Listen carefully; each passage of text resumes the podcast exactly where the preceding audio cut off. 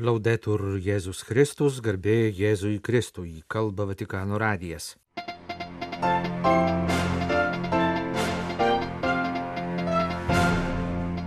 Popiežiaus audiencijos Šveicarijos prezidentui, Vatikano muziejų mecenatams iš Junktinių Amerikos valstijų ir Jeruzalės Šventojo kapo riterių ordinui.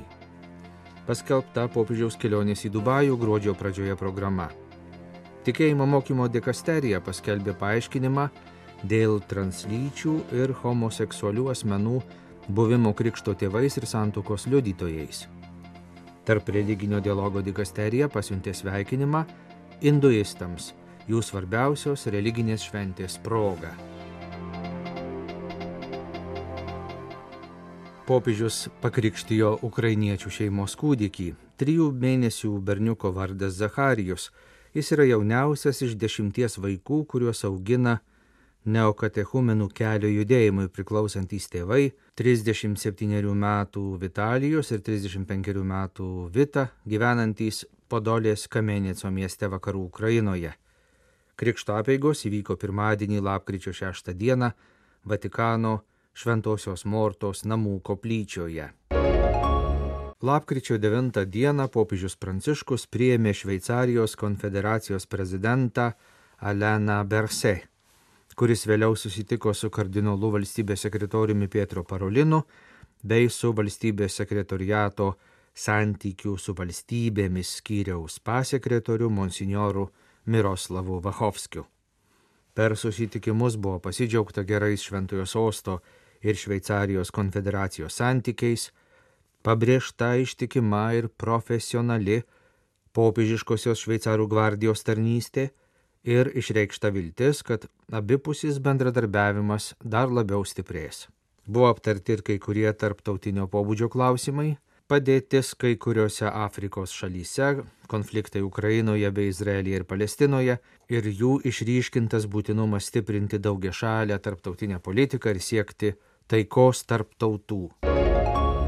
Ketvirtadienio lapkričio 9 rytą popiežius Pranciškus susitiko su prieš 40 metų Junktinėse Amerikos valstijose įkurtos Vatikano muziejų mecenatų organizacijos nariais.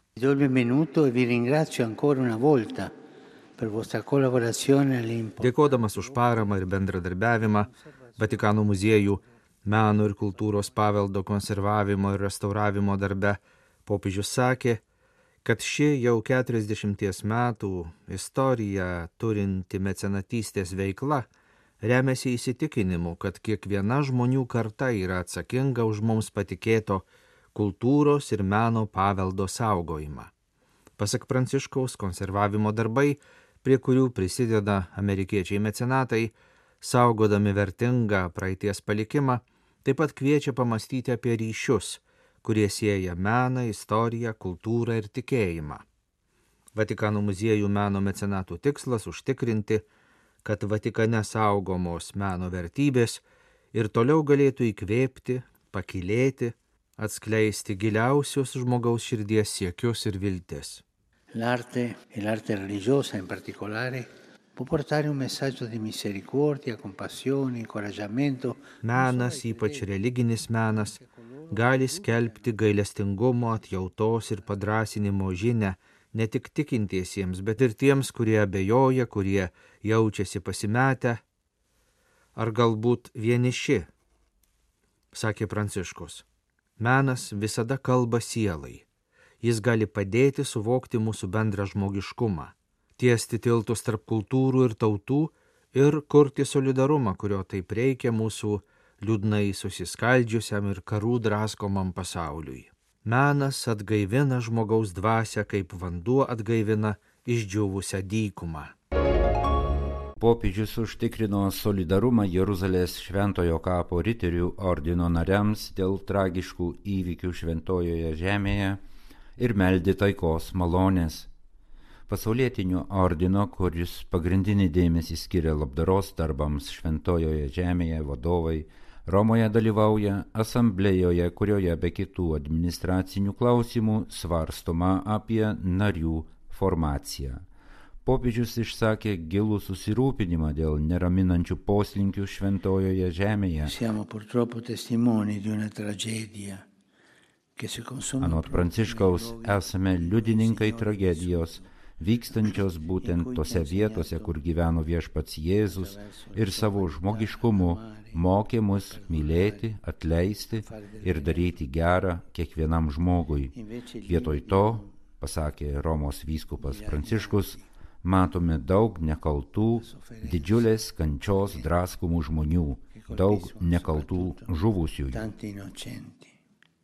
tanti innocenti morti. Popiežius užtikrino savo dvasinę vienybę su visais Jeruzalės šventojo kapo riterių ordino nariais, kurie su Jeruzalės motina bažnyčia dalyjasi dideliu skausmu ir meldė šventajai žemiai taikos malonės.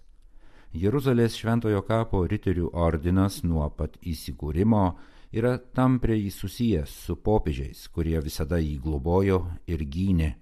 XIV amžiuje popiežiai dėjo pastangas, kad ordinas juridiškai priklausytų šventajam sostui.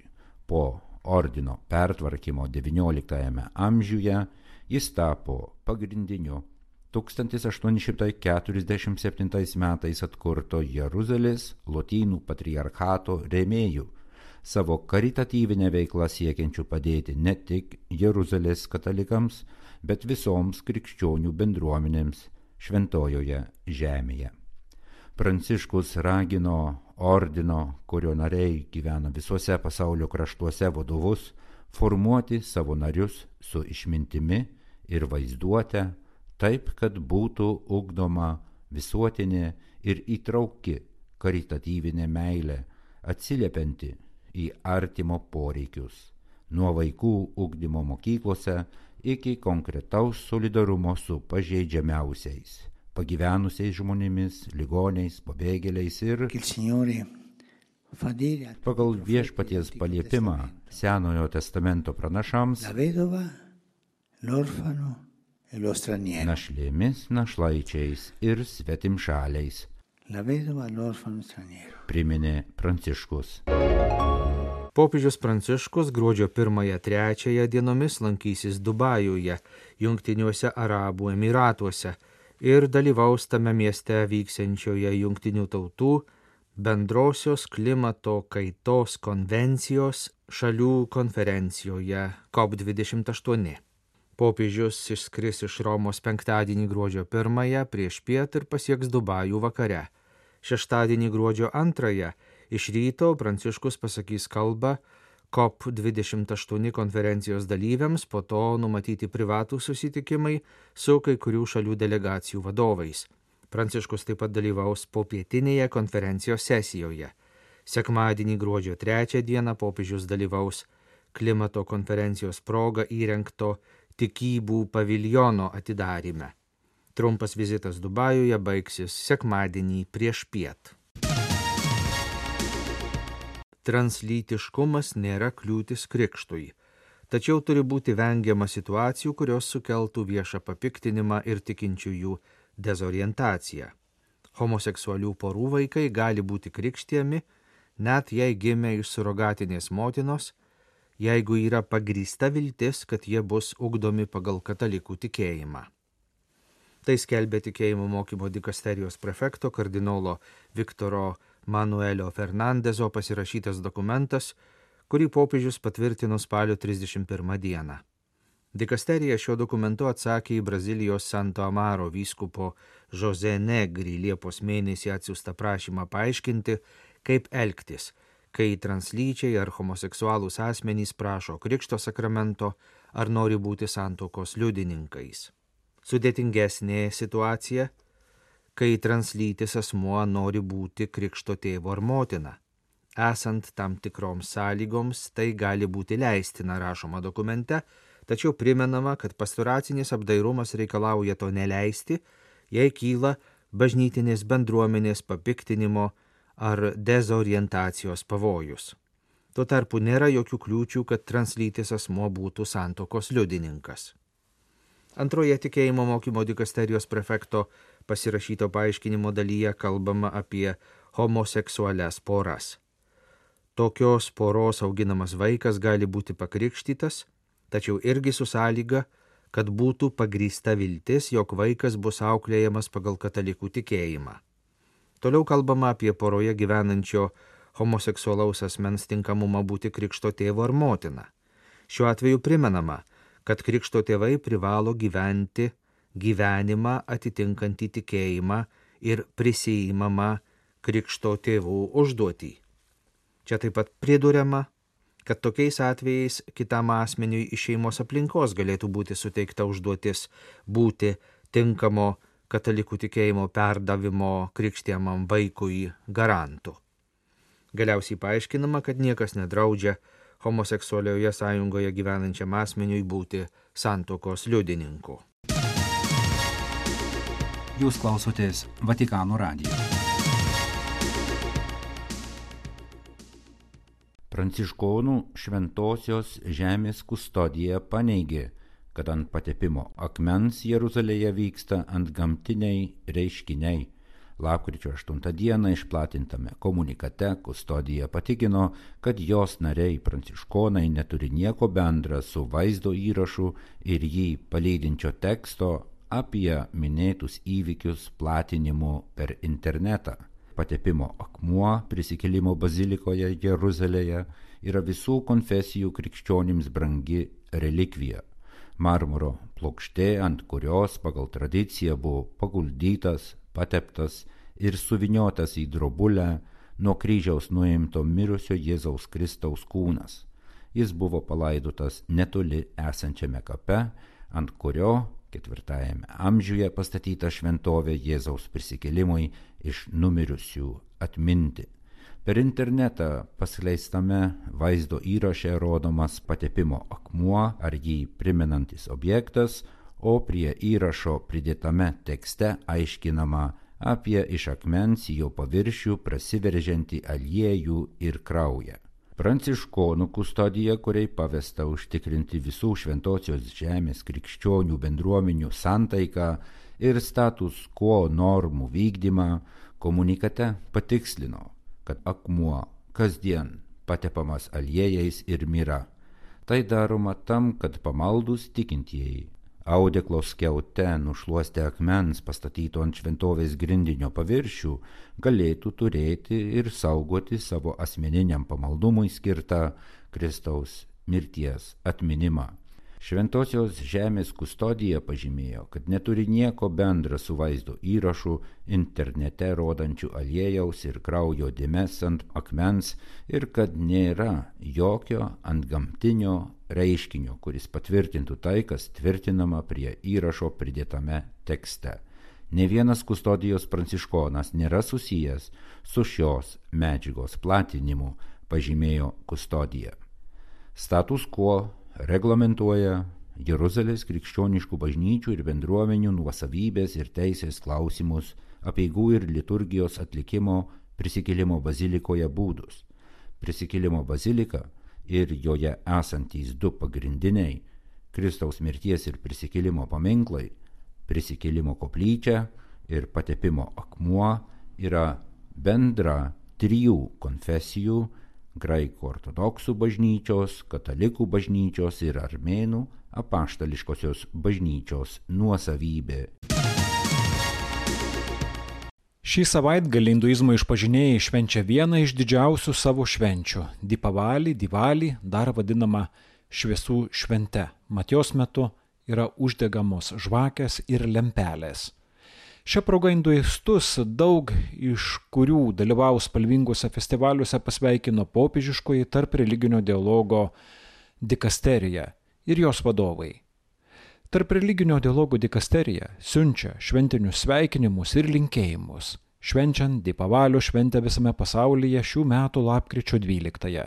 Tegul Dievas aukščiausiojo šviesa apšviečia jūsų širdis ir protus, palaimina jūsų namus ir kaiminystę pripildo jūsų gyvenimus taikos ir laimės. Rašoma dikasterijos kone jau 30 metų iš eilės hinduistams siunčiamuose linkėjimuose. Juose taip pat kviečiame kartu galvoti ir siekti taikos, neatskiriamos nuo teisingumo, tiesos, meilės ir laisvės. Šiemet priminama sveikinime sukako 60 metų nuo enciklikos Pacaminteris pasirodymo. Jonas 23 šią encikliką parengė tuo metu, kai pasaulis buvo prie brandulinio karo slengščio.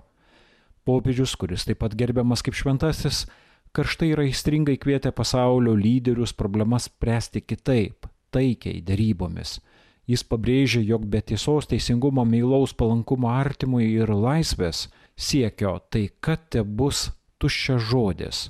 Šios vizijos įkvėpti, rašo tarp religinio dialogo dikasterijos vadovai, jie nori su hinduistais pasidalinti kai kuriomis išvalgomis.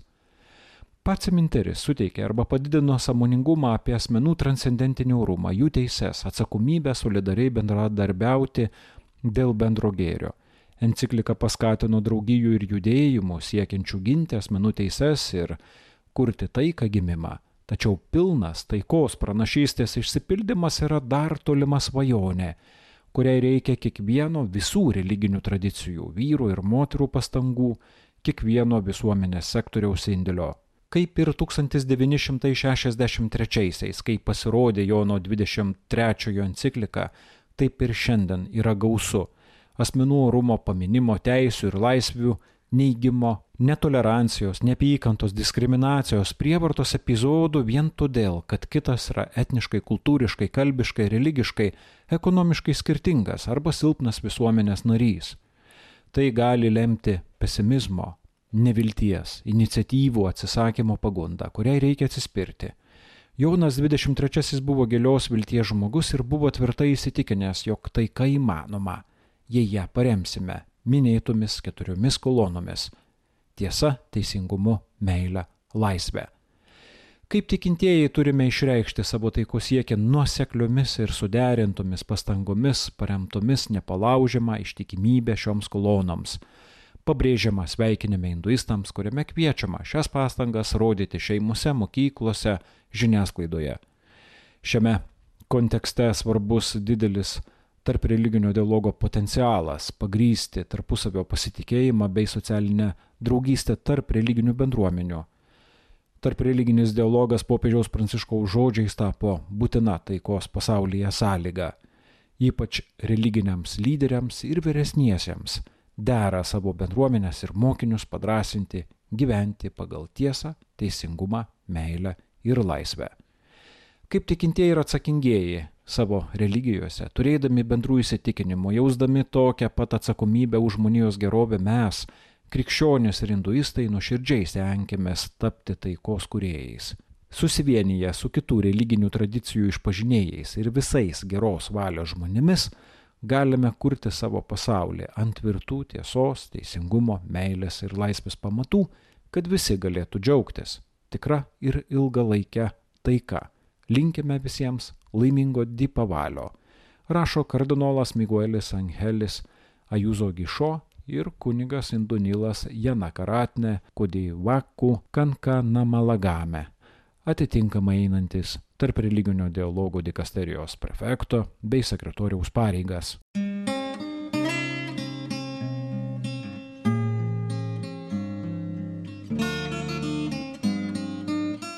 Kalba Vatikano radijas. Laidą lietuvių kalba baigėme.